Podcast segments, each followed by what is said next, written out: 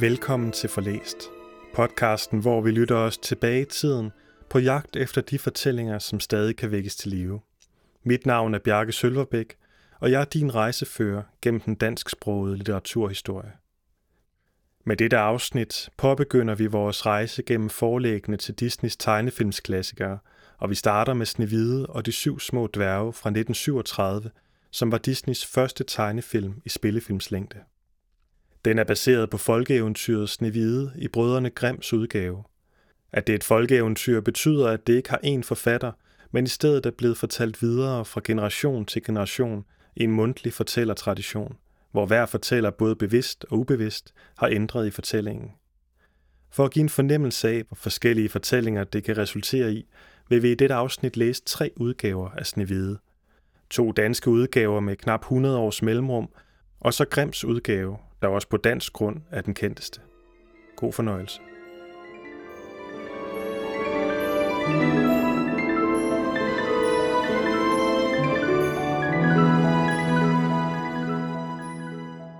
Snevide, indsamlet af Mathias Winter og trygt i Danske Folkeeventyr fra 1823. Jeg har erstattet enkelte af de dialektale ord med tilsvarende rigsdanske ord, så teksten er nemmere at forstå. Der var engang en konge og dronning, som ingen børn havde. Der var det engang på en klar vinterdag, så sagde dronningen, lad os gå ud og spacere. Og da de nu var kommet ud, gik de langs med søen. Der var tyk is på vandet, men over vejen lå den dejligste hvide sne. Da sprang dronningens næse op og bløde, og da hun så det røde blod på sneen, ønskede hun, at hun måtte få en datter så hvid som sne og så rød som blod. Så ville hun kalde hende Snehvide. Da nu ni måneder var forbi, fødte dronningen en datter, som var så hvid som den hvideste sne og så rød som det rødeste blod, og lod hende kalde Snehvide, hvorpå dronningen døde. Herover blev kongen såre bedrøvet og sagde, at han aldrig ville gifte sig, før inden hans datter selv kunne vælge sig stedmoder. Han gav hende nu en gammel arme, som havde tre grimme døtre. Ammen gav prinsessen ofte mundgodt og kælede for hende, så da hun var blevet stor, ønskede hun, at hun måtte få hende til stedmoder. Men kongen sagde, at hvis det skete, ville det blive hende til en kvide, men lovede at føje hendes ønske, hvis der kunne gro græs på dronningens grav. Da ammen fik dette at høre, gik hun ud til graven og strøede heksemel på den, så at der opvoksede dejlige blomster og meget græs deraf. Så at da kongen fik dette at se, mente han, at det var hans afdøde dronnings vilje, at han skulle tage ammen og giftede sig derpå med hende. Prinsessen var da 15 år, og da just den fremmede prins meldte sig for at bejle til hende, gav hun ham sit ja, og deres trolovelse blev holdt dem samme dag som kongens bryllup med ammen. Noget derefter måtte kongen og prinsen ud i krigen. Da tænkte dronningen på at få Snevide bort, og jo hende derfor langt ud i skoven mellem de vilde dyr. Her gik hun længere omkring og kom derom sider til et stort bjerg, hvor syv dværge opholdt sig. Og da de nu hørte hendes klager, rørtes de over hende og tog hende ind til dem i bjerget. Men forinden sagde de til hende, at hun aldrig måtte lukke nogen derind, når de var borte. De gav hende nu en dejlig guldvæv, hvormed hun vævede sit og sin faders og brudgoms navne, når de syv dværge om dagen var ude i skoven. Det begav sig nogen tid derefter, da sad dronningen for et troldspejl, hun havde, som kunne svare på alt, hvorom hun vel spurgte. Da sagde hun til spejlet, Spejl, spejl i bænke inde, hvor er skønnest vel blandt kvinder, jeg, hvad eller døtre mine? Da gensvarede spejlet, Snevide i bjerge hos de syv vilde dværge. Da fornam hun, at Snevide endnu ikke var død og harmede sår derover. Hun tog derfor et troldsnørliv og sagde til sin ældste datter, Gå med dette ud i skoven, og når du så kommer til bjerget, skal du klage dig for Snevide og bede hende om at lukke dig ind. Derpå skal du snøre hende med dette, så dør hun. Da gik datteren langt ud i skoven, og da hun kom til bjerget, græd og sukkede hun såre meget, hvorover Snevide ynkedes og lukkede hende ind til sig. Og da hun var kommet derind, bad hun om at måtte prøve, hvorledes det ville kunne passe hende, hvilket Snevide tillod, men sang straks død om. Nu gik stedsøsteren skyndeligst bort og berettede udfaldet for moderen, som meget glædede sig derover. Men da de syv dværge kom hjem om aftenen og fandt Snevide, blev de såre bedrøvet. De ville nu afklæde hende for at lægge hende på borge, men da de aftog snørlivet, vendte livet tilbage igen i hende. De forbød hende atter at lukke nogen ind i deres fraværelse og gik derpå næste dag igen ud i skoven. Nogen tid derefter sad dronningen og holdt troldspejlet i hånden. Da spurgte hun. Spejl, spejl, i bænke inde, hvor er skønnest vel blandt kvinder, jeg, hvad, eller døtre mine? Da gensvarede spejlet. Snevide i bjerge hos de syv vilde dværge. Der harmedes hun såre og sagde, er hun endnu ikke død? Hun kaldte derfor på den næstældste datter og sagde til hende, at hun skulle gå ud i skoven til bjerget, sukke og klage for Snevide, og når hun så kom ind til hende, skulle hun binde et hårbånd om hendes hår, som hun nu gav hende. Så døde Snevide. Da gik den næstældste datter ud i skoven til bjerget og gjorde, som moderen havde sagt. Men så snart, at hun havde bundet hårbåndet om Snevides hår, faldt denne død om. Gik hun derhjem og fortalte udfaldet for den onde moder, som meget glædede sig derover. Men da nu dværgene kom hjem og fandt Snevide, blev de meget bedrøvede, klædte hende af og lagde hende på borge. Men da de nu løste hendes lange hår, kom hun til sig selv. Derover blev de glade, men forbød hende endnu strengere aldrig at indlede nogen i bjerget, når de ikke var hjemme, hvilket hun lovede. Den næste dag, da dronningen klædte sig på, gik hun hen til spejlet og sagde, Spejl, spejl i bænke inde, hvor er skønnest vel blandt kvinder, jeg, hvad, eller døtre mine? Der gensvarede spejlet, Snevide i bjerge hos de syv vilde dværge.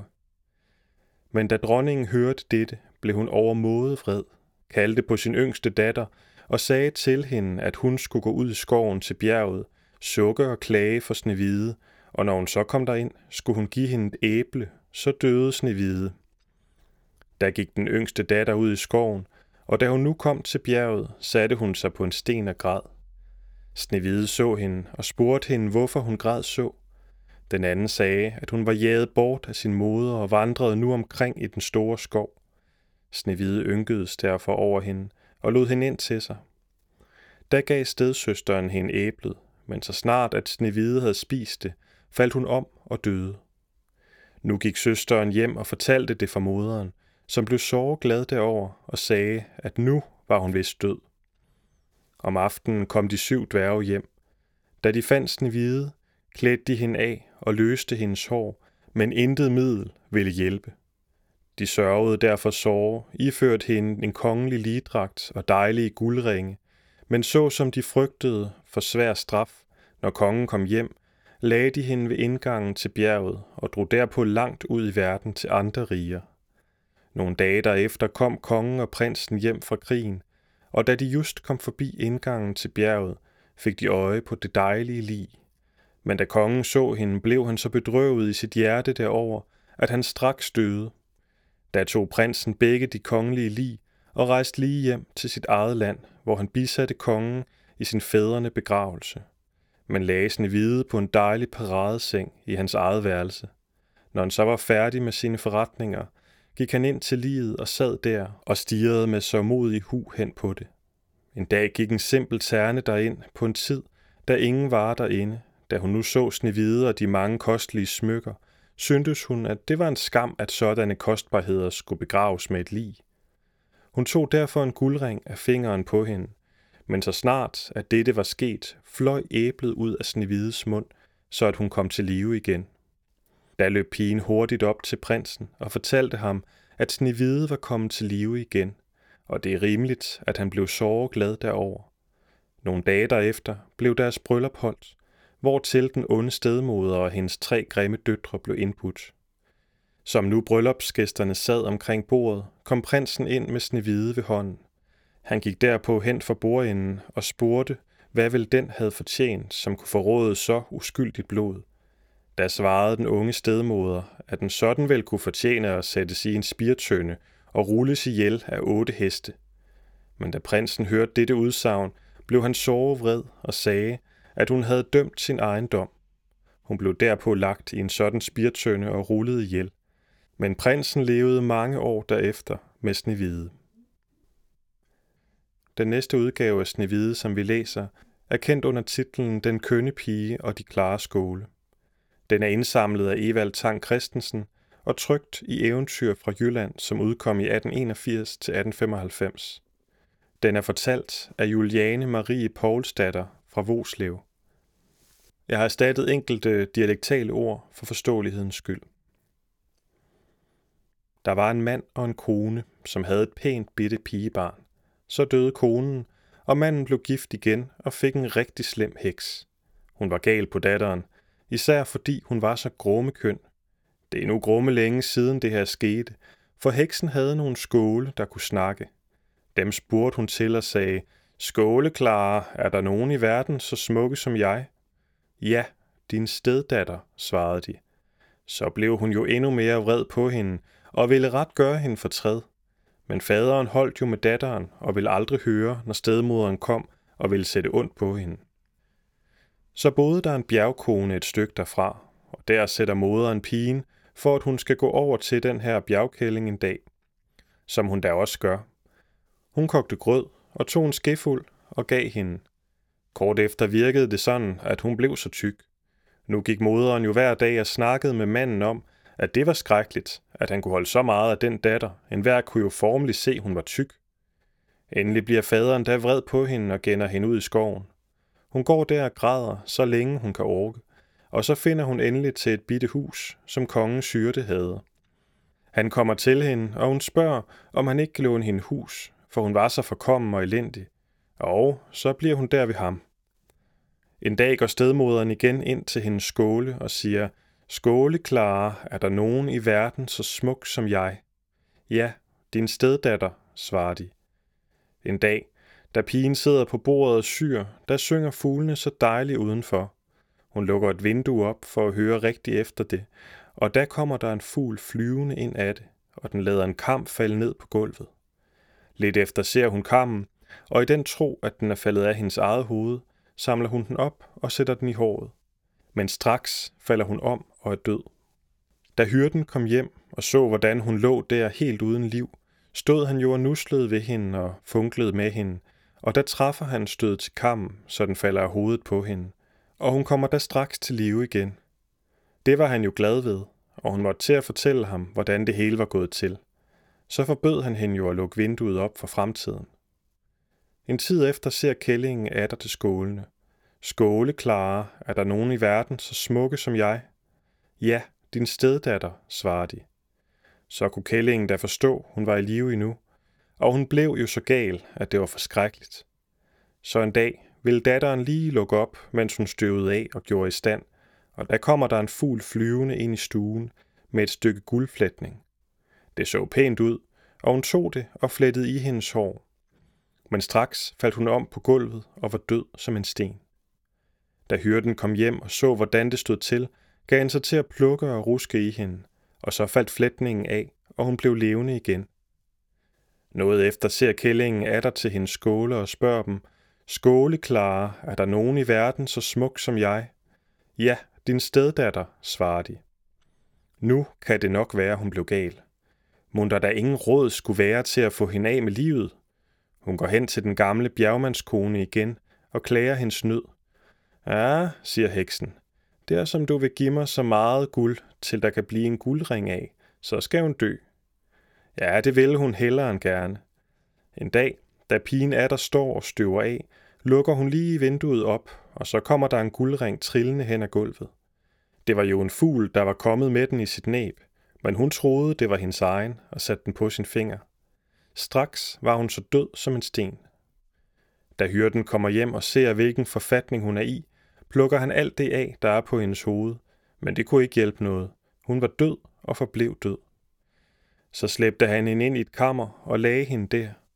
Da han nu på ingen måde kunne få hende til live, lukkede så alle dørene efter sig, tog alle nøglerne, som han havde i et knippe med sig, og gik ned til en å og druknede sig. For han havde jo holdt så meget af pigen, og tog sig hendes død så nær. Da kommer prinsen til den å med hans hest og vil vande den, og der træder den på nøglerne. Han står af og tager dem op, går hen til huset og lukker døren op med dem. Endelig kommer han og ser ind i det kammer, hvor hun lå. I mellemtiden havde hun gjort barsel af den omtalte grød, bjergkonen havde givet hende, og fået to drengebørn, og de havde ligget og suget så stærkt på hendes finger, til de havde fået ringen af, og hun var kommet til live igen. Men da døren var låst, kunne hun ikke komme ud, og lå nu der og kunne hverken få det ene eller det andet, og var forsultet og i sådan elendighed. Prinsen så jo straks, at børnene havde guldstjerne i panden, og at hun var så køn, og så tager han straks hjem og befaler sin tjener at bringe mad ned til hende, og det skulle han gøre hver dag. Prinsen besøgte hende jo også, og kunne overdreven godt lide hende. Altså kommer hun i god stand igen, men så kommer det på, at der bliver krig, og prinsen skal med. Men nu var hans moder en slem kælling, og han troede hende ikke for godt. Derfor syede han kæresten et bælte, som hun skulle spænde på sig, når nogen ville gøre hende fortræd, og hun kom i fare. Så skulle han straks være hos hende. Tjeneren skulle fremledes hver dag bringe føde ned til hende, og han måtte ikke på nogen måde sige, hvor han gik hen med det. Men prinsens moder lagde jo lige godt mærke til, at tjeneren hver dag gik bort med mad, og så ville hun vide, hvor det skulle hen. Det ville han ikke sige. Ja, så skulle han miste hans liv, hvis han ikke sagde det. Så kunne han jo ikke andet, og fortalte da, at det var et fruensimmer ude i skoven i et lille hus, og hun havde to børn. Dem havde prinsen godhed for, og han havde pålagt ham at bringe mad ud til dem. Så skulle han gå ned og hilse fra den gamle dronning, at han skulle have et af børnene.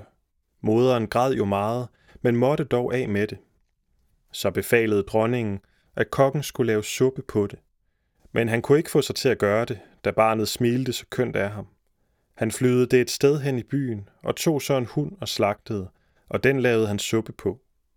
Lidt efter fik tjeneren befaling til at gå ned og hente det andet barn, for fruentimmeret skulle ikke sidde der i hytten og sulte over det. Han kommer jo og tager barnet, og hun græder meget mere, for nu havde hun jo ikke noget at rose sig ved. Da han kommer op på slottet med barnet, skal han jo gå ud i køkkenet og sige til kokken om at lave steg på det. Men barnet var så kønt og smilte sådan af ham, så han kunne ikke bære over sit sind og tage det af med livet. Han sendte det i byen og tog en kat og lavede til. Den steg var også god nok til hende den gamle. Da det var nu til side, befaler dronningen, at folkene skal gøre et stort bål ild på. De skulle bruge en tifarvende brænde og en hel mængde skudtørv, og så skulle de tage hen til huset og hente hende, der var, for det var ikke værd, at hun sad dernede, og hun fortjente ikke bedre end at brændes, da hun havde forhekset prinsen. De henter hende også op til slottet, men da hun nu kommer og ser det store bål ild, bærer hun jo nok tvivl om, hun skal brændes, og så tager hun hendes bælte om sig. Straks er prinsen der, og de kommer til ilden på en gang, både hende og prinsen. Han spørger jo straks om, hvad der skal ske, og hvorfor det store bål ild er antændt. Ja, det ville de ikke vel sige ham. De sagde blot, at dronningen havde sådan befalet, og så trådte han hårdt til og ville vide det. Og da folkene mærkede, hvordan han var sindet, så måtte de jo til at åbenbare det hele. Dronningen havde befalet dem at hente det kvindemenneske ude i skoven, for hun skulle brændes. Så blev alting stoppet og ilden slukket. Derefter spurgte han, hvor børnene var. Ja, kokken havde lavet suppe på den ene og steg på den anden. Det bliver han jo svært elendig ved at høre, og kokken bliver kaldt til for at afgive sin forklaring. Ja, han tilstår jo da, at de var levende endnu, for han kunne da ikke bære over sit sind og undleve dem. Så bliver prinsen jo glad, og han befaler, at børnene skal hentes. Moderen blev også glad naturligvis, og så blev hun jo op på slottet ved prinsen. Men den gamle dronning fik lov at vælge mellem, om hun ville brændes på det samme bål, der var stillet an for hendes svigerdatter, eller hun ville føres ud på et skib med mad for en vis tid, og så føres ud på det vilde hav, hvor det aldrig kunne komme til land. Hun valgte det sidste, og så har en aldrig siden hørt fra hende. Men prinsen og pigen fra skoven, de blev gift, og de fik mange bitte børn sammen, og så lever de godt. Den tredje og sidste udgave af Snevide, som vi læser i dag, det er nok den, som der er flest, der kender, og også den, der dannede forlæg for Disneys tegnefilm. Den øh, hedder blot Snevide og er indsamlet og omskrevet af brødrene Grimm i Kinder und Hausmärchen. Denne oversættelse er første gang bragt i Folkeeventyr, der udkom i 1916-18 og oversat af Karl Evald. Det var midt om vinteren, og sneflokkene faldt som dun ned fra himlen. Dronningen sad ved vinduet og syede i en ramme af sort ibentræ, og mens hun syede og syede og kiggede ud på den hvide sne, kom hun til at stikke sig i fingeren, og der faldt tre bloddråber i sneen. Og da hun så, hvor smukt den røde farve strålede i den hvide sne, tænkte hun, Gid jeg dog havde et barn, der var så hvidt som sne, så rødt som blod og så sort som ibentræ. Kort derefter fødte hun en datter, som var hvid og rød, med hår så sort som ibentræ. Den lille pige blev kaldt Snevide, og da hun var født, døde dronningen. Et år efter tog kongen sig en anden hustru. Hun var smuk, men stolt og hårdmodig, og kunne ikke tåle, at nogen var smukkere end hun. Hun havde et spejl, og når hun så sig deri og spurgte, Lille spejl på væggen der, hvem er skønnest i landet her, svarede spejlet, ingen i verden er dejlig som du. Så var hun tilfreds, for hun vidste, at spejlet talte sandhed. Snevide voksede midlertid til og blev smukkere og smukkere, og da hun blev 17 år, var hun så skøn som den lyse dag, og langt kønnere end dronningen. Og da denne en dag spurgte spejlet, lille spejl på væggen der, hvem er skønnest i landet her, svarede det, dronning, stor er din skønhedsglans, men snevide er skønnest med ungdommens krans. Dronningen blev både gul og grøn af misundelse, og fra nu af havde hun snevide af hele sit hjerte.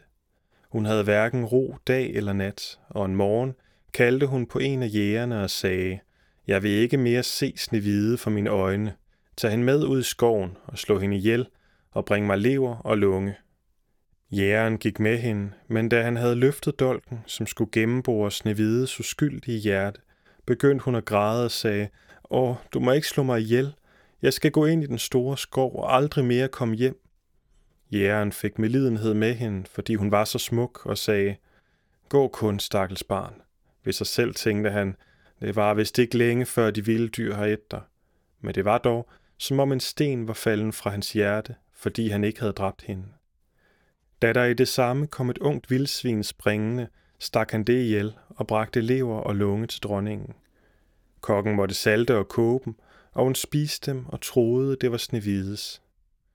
Nu var det stakkels barn helt alene i den store skov, og hun var så bange, at hun stirrede angst på hvert træ, hun kom forbi. Hun vidste slet ikke, hvad hun skulle gøre, og til sidst gav hun sig til at løbe af alle kræfter, over spidse stene og gennem tjørnekrat, og de vilde dyr for lige forbi hende, uden at gøre hende noget. Hun løb, så længe hendes ben kunne bære hende, og hen imod aften kom hun til et lille hus og gik derind. Alting derinde var småt, men så nydeligt og rent, at man ikke kunne tænke sig det. I midten af stuen stod der et bord med en snehvid du, syv små tallerkener med skeer, gafler og knive, og syv små bærere. Henne ved væggen stod syv små senge med hvide laner. Snevide var sulten og tørstig og spiste en mundfuld kød og kål af hver tallerken og drak en sluk vin af hvert bære, for hun ville ikke tage det fra en alene. Derpå ville hun lægge sig i en af sengene, men den ene var for kort og den anden for lang, den tredje for smal og den fjerde for bred, og således videre, indtil endelig den syvende passede hende. Der blev hun så liggende, bad sin aftenbøn og faldt snart i søvn. Da det var blevet helt mørkt, kom de syv små dværge, hvem huset tilhørte, hjem fra deres arbejde i bjergene. Da de fik tændt lys, så de straks, at der måtte have været nogen, mens de var borte, for tingene stod ikke på deres sædvanlige plads. Hvem har siddet på min stol? sagde den første. Hvem har spist af min tallerken? sagde den anden. Hvem har taget mit brød? sagde den tredje. Hvem har spist af min kål? sagde den fjerde. Hvem har brugt min gaffel? sagde den femte. Hvem har skåret med min kniv? sagde den sjette. Hvem har drukket af mit bære? sagde den syvende. Da en af dem vendte sig om, så han, at der var en fordybning i hans seng. Der har været nogen oppe i min seng, sagde han. Og da de andre kom derhen, råbte de alle sammen, der har også været nogen i min. Men da den syvende kom hen til sin seng, så han Snevide. Han kaldte på de andre, og de kom løbende med deres syv små lys. Du gode Gud, hvor hun er dejlig, råbte de, og var så glade over hende, at de ikke nændede at vække hende. Den syvende dværg sov en time hos hver af sine kammerater, og så var natten forbi. Da Snevide vågnede om morgenen og så de syv dværge, blev hun meget forskrækket, men de var så venlige imod hende, at hun snart blev beroliget. Hvad hedder du? spurgte de. Snevide, svarede hun. Hvordan er du dog kommet herind? Hun fortalte dem da, at hendes stedmor havde ville dræbe hende, men jægeren, der skulle gøre det, havde givet hende lov til at løbe sin vej, og så havde hun gået hele dagen, lige til hun var kommet hen til det lille hus. Hvis du vil holde huset i orden og lave mad og sy og strikke for os, sagde dværgene, så må du gerne blive her, og vi skal nok være gode imod dig. Snevide sagde straks ja og blev hos dem. Om morgenen gik dværgene ud i bjergene for at arbejde, og når de kom hjem igen om aftenen, havde Snevide maden færdig til dem. Hele dagen var hun alene, og dværgene advarede hende ofte og sagde, tag dig i agt for din stedmor. Hun får nok at vide, at du er her. Lad ingen komme ind til dig. Da dronningen havde spist det, som hun troede var Snevides lever og lunge, gik hun hen foran spejlet og spurgte, Lille spejl på væggen der, hvem er skønnest i landet her? Spejlet svarede, Ingen i landet er dejlig som du, men Snevide langt borte, bag de syv bjerge, hos de syv små, gode, flittige dværge, hun er tusindfold mere dejlig endnu. Da blev hun forfærdet, for hun vidste, at spejlet talte sandhed, og hun mærkede nu, at jægeren havde naret hende. Hun tænkte dag og nat på, hvordan hun skulle komme Snevide til livs, og endelig fandt hun på råd. Hun malede sit ansigt og klædte sig på som en gammel sælgekone, så hun var ganske ukendelig. Derpå gik hun over de syv bjerge til de syv små dværge, bankede på døren og råbte, Har billige varer at få? Snevide kiggede ud af vinduet og spurgte, Hvad har I da? Mange gode ting, svarede konen. Se her, smukke snørebånd. Og hun viste hende et, der var flettet af broget silke. Den skikkelige kone kan da nok lukke ind, tænkte Snevide, gik hen og åbnede døren og købte de smukke bånd. Men hvordan er det, du ser ud, barn, sagde den gamle. Kom her, så skal jeg snøre dig ordentligt. Snevide tænkte ikke noget ondt derved, men stillede sig hen foran konen. Men den gamle snørede så hurtigt og så fast, at Snevide ikke kunne få vejret og faldt om som død. Nu kan du sige, at du har været den smukkeste, sagde hun grinende og skyndte sig bort. Kort efter kom de syv dværge hjem og blev meget forskrækket, da de så deres kære Snevide ligge som livløs på gulvet uden at røre sig.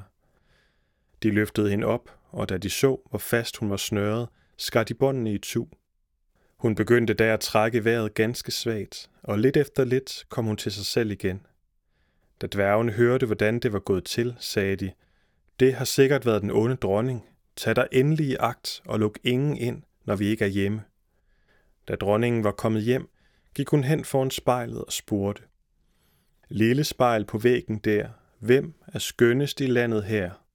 Spejlet svarede som sædvanligt. Ingen i landet er dejlig som du. Men Snevide langt borte, bag de syv bjerge, hos de syv små, gode, flittige dværge, hun er tusindfold mere dejlig endnu.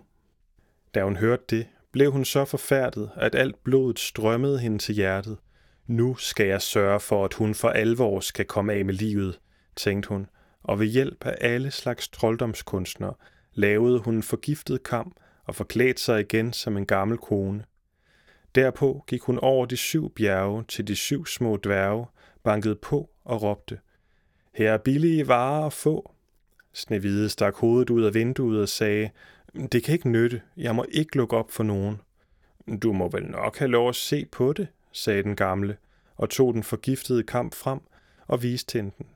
Snevide syntes så godt om den, at hun lod sig overtale til at lukke op og købe kammen. Nu vil jeg redde dig, sagde den gamle, og Snevide havde ingen mistanke, men lod hende gøre det. I samme øjeblik kammen blev stukket i håret, virkede giften, og Snevide faldt om som død. Nu er det nok ude med dig, min dejlighed, sagde den gamle hånligt og gik sin vej. Heldigvis kom de syv dværge hjem et øjeblik efter og fik den forgiftede kamp taget ud af hendes hår. Snevide kom til sig selv igen og fortalte, hvad der var sket, og de advarede hende igen mod at lukke nogen ind. Da dronningen var kommet hjem, spurgte hun, Lille spejl på væggen der, hvem er skønnest i landet her? Spejlet svarede igen, Ingen i landet er dejlig som du, men Snevide, langt borte bag de syv bjerge, hos de syv små, gode, flittige dværge, hun er tusindfold mere dejlig endnu. Da hun hørte det, rystede hun fra top til to af raseri. Snevide skal dø, om det så skal koste mit liv, råbte hun. Derpå gik hun ind i et værelse, låsede døren og lavede et forgiftet æble. Det var smukt, med røde kinder, og enhver, der så det, måtte få lyst til det. Men den, der spiste af det, døde øjeblikkeligt.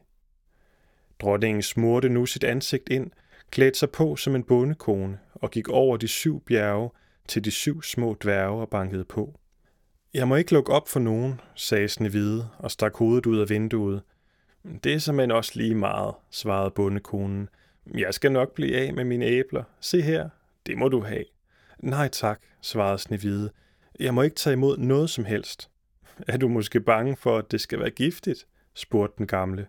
Nu skal jeg det over, så får du det røde, og jeg spiser det hvide. Æblet var nemlig lavet sådan, at kun den røde side var forgiftet.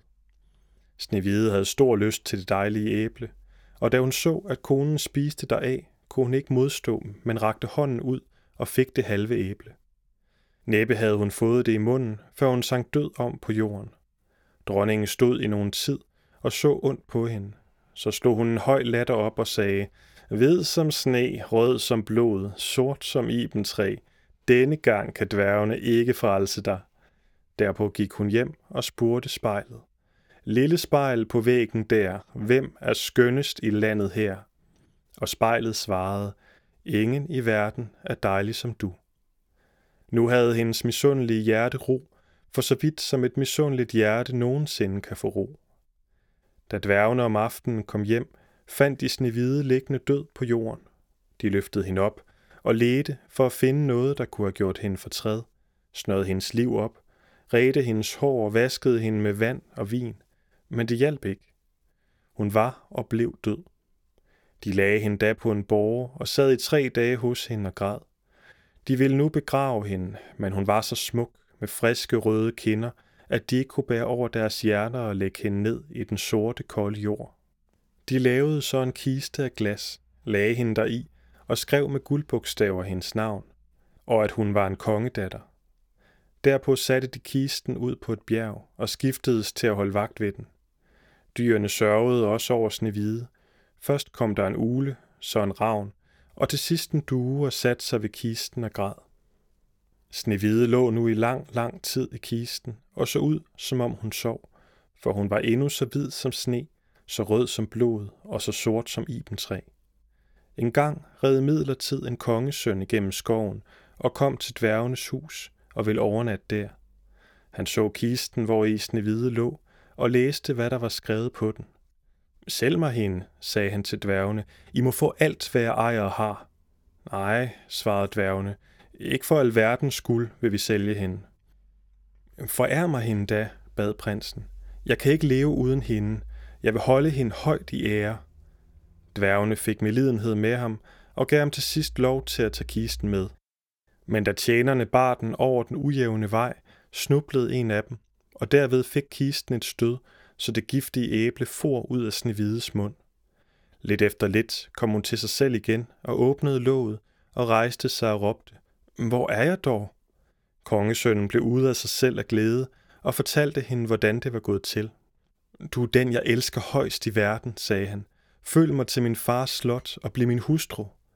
Snevide fulgte ham gerne, og der blev truffet store forberedelser til brylluppet. Snevides onde stedmor blev også indbudt, og da hun havde taget sine smukkeste klæder på, gik hun hen foran spejlet og spurgte, Lille spejl på væggen der, hvem er skønnest i landet her? Spejlet svarede, Du er vel dejligst i dette land, men med dronningen aldrig du måle der kan. Den onde kvinde var ved at dø af raseri, men var til lige så underligt angst. Hun vidste ikke selv hvorfor. Først ville hun ikke tage til festen, men hendes nysgerrighed efter at se den unge dronning lod hende ikke have ro. Da hun kom ind i salen, kendte hun straks Snevide og blev ganske stiv af skræk. Men henne over ilden stod der et par glødende jernsko. Dem måtte hun tage på og danse, til hun faldt død om.